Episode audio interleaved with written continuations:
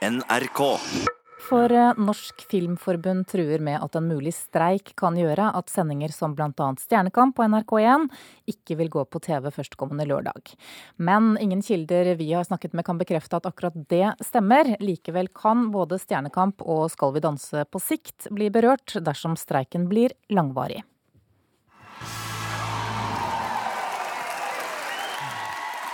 Er det ikke deilig? Altså, jeg kjenner det. Er det ikke deilig?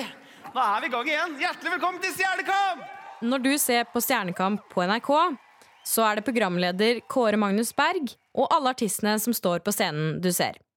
Men bak scenen så jobber det flere personer som er minst like viktige for at du skal få se Stjernekamp på TV. Flere av disse er organisert gjennom Norsk Filmforbund, og hvis ikke Norsk Filmforbund får det som de vil, førstkommende fredag, så går de til streik. Det kan ramme sendinger som bl.a. Skal vi danse og Stjernekamp. Ytterste konsekvens er selvfølgelig at populære TV-programmer ikke kommer på luften. Dette sier leder i Filmforbundet Sverre Pedersen. Filmforbundet og Virke Produsentforeningen skal møtes hos Riksmegleren på fredag. Da krever Filmforbundet bl.a.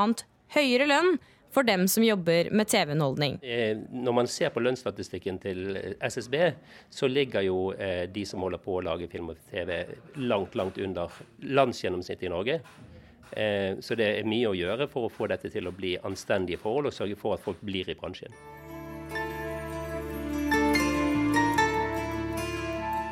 Dette er tiende gang Pedersen og Filmforbundet har vært i mekling med Produsentforeningen. Partene har stort sett klart å bli enige, bortsett fra i 2013, da TV-seriene Hotell Cæsar og Lillehammer ble rammet av streik.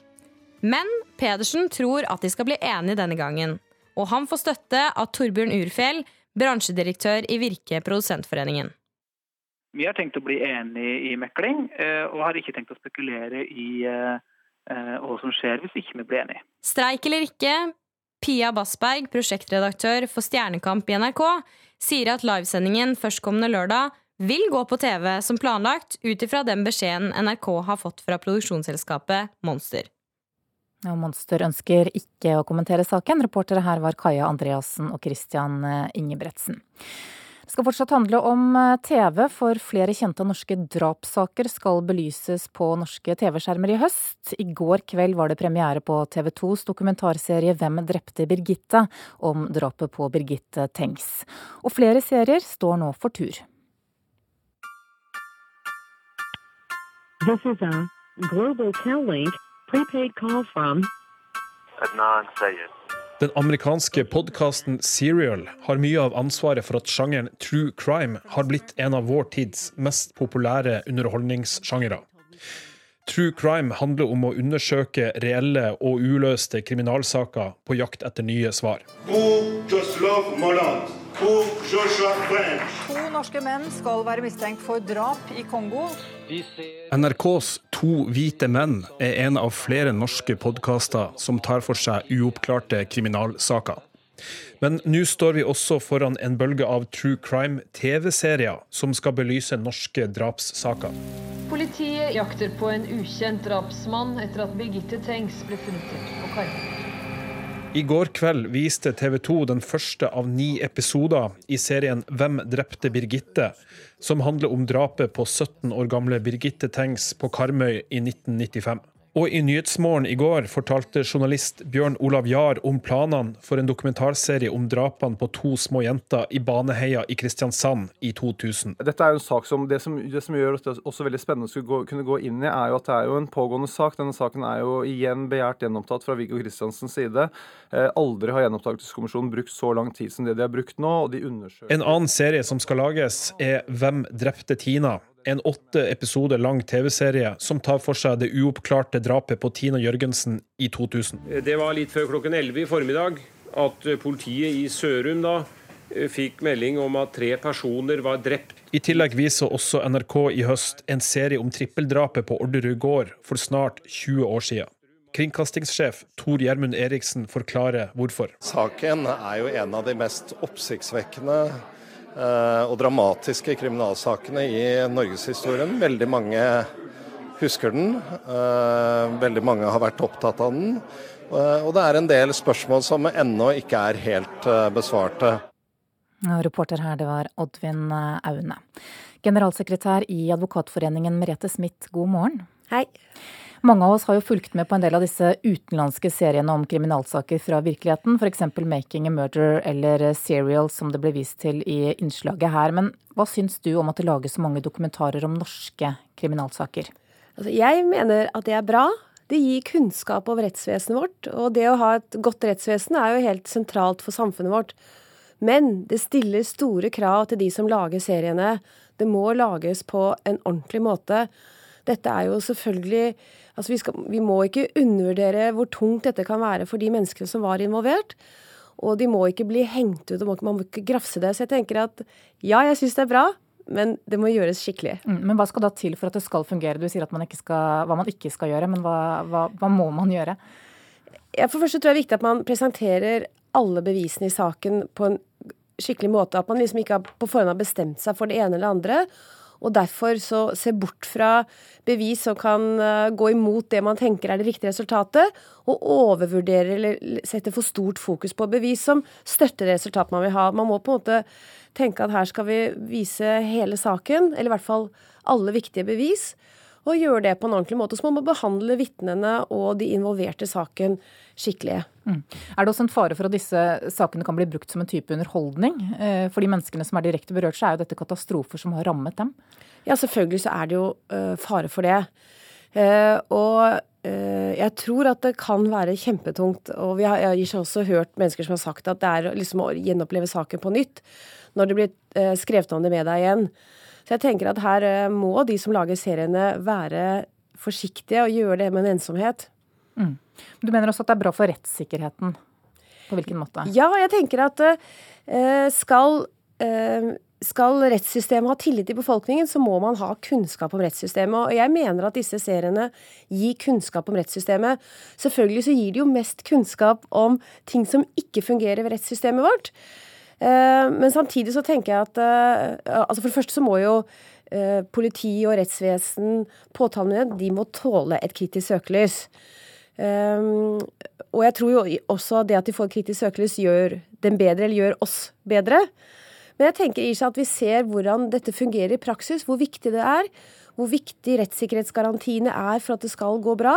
Jeg tenker at det skaper mer kunnskap, og på sikt så gir det også mer tillit til systemet vårt. Mm, men kan det også gjøre at vi mister tilliten da, til politi og rettsvesen når vi ser f.eks. hvilke avhørsmetoder som blir brukt i, i enkelte saker, eller, eller, hvordan sakene blir behandlet? Det er, klart, altså det er, klart at det er en fare for det at vi, når vi ser at det gjøres feil, så tenker jeg at uff, dette er ikke bra nok, og hva, uff, hva er det som skjer her? Men samtidig så tenker jeg at systemet vårt tåler det, eh, og det må tåle det. Eh, og så tror jeg jo også at det, eh, gode ved det er at det kan gjøre at vi blir bedre. Vi vet jo at det kritiske søkelyset som har vært på avhørsmetoder, og de eksemplene vi har sett på helt forferdelige avhør, f.eks. avhøret av nevøen i 'Making a Murderer', det har jo gjort at politiet nå i, politiet i Norge er blitt bedre på avhør. Det er forsket mye på hva som er gode avhørsmetoder, og det undervises nå masse hos politiet i bedre avhørsmetoder. Og det er jo en god ting. Hva med den enkelte sak? Hvilke konsekvenser kan det få for en kriminalsak at den blir løftet frem, og at det blir laget en, en podkast eller en TV-dokumentar om den? Vi har jo faktisk sett eksempler på at dette har betydd noe for den som har vært involvert. I tilfellet Kevin så har det jo faktisk medført at de to brødrene nå er frifunnet for drap. Ja, for Det handlet altså om en fire år gammel gutt som ble funnet død i Sverige? Ja, og hvor to brødre, to unge brødre, var de fem og åtte år eller noe sånt, som eh, ble, de ble funnet skyldige i saken. Og det at det nå ble laget en TV-serie om den, gjorde jo at man nå har funnet at det var ikke den som har gjort det, og de er blitt frifunnet. Mm. Det må jo være en utrolig lettelse for dem, selv om det selvfølgelig har vært utrolig tungt for familien som hvis sønn ble drept, å se hele dette rullet opp igjen. Mm. Det kan også føre til nye tips, eller tenker jeg de kriminalsakene som blir tatt opp nå, er jo saker som både er eh, løst i rettssystemet, men også som ikke er det, hvor det ikke er funnet noen Eh, gjerningsmann eller gjerningsperson. Ja da, og uh, antageligvis så, så, vil det komme en del nye tips i en del av disse sakene. På noen av disse amerikanske sakene så ser vi jo nå at, uh, at sakene blir tatt opp igjen. Ja, så vidt jeg vet så er det ingen av dem som har blitt løslatt, men, uh, men det, det, ruller nå i systemet, så kanskje blir frifinnelse og løslatelse resultatet i noen av disse kjente som vi fikk høre i innledningen her. Mm. Hvorfor blir vi så fascinert av disse sakene? Og det er jo fordi at det er virkelig drama. Det gjelder jo utrolig viktige ting i folks liv. Og det er spennende. ikke sant? Er man skyldig, er man ikke skyldig? Og hele det puslespillet å finne fram til hva har egentlig skjedd i saken. Det er jo øh, virkelig dramatikk. Eh, så det er klart at det er spennende. Mm. Generalsekretær i Advokatforeningen Merete Smith, takk for at du kom hit til Nyhetsmorgen. Tusen takk.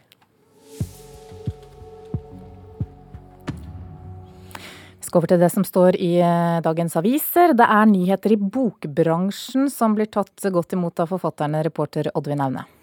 Ja, I Norge har vi jo noe som heter Bokavtalen. Dette er en avtale som skal sørge for at det er noenlunde ryddige konkurranseforhold mellom partene i bokbransjen og at det skal være en fast utsalgspris på nye bøker.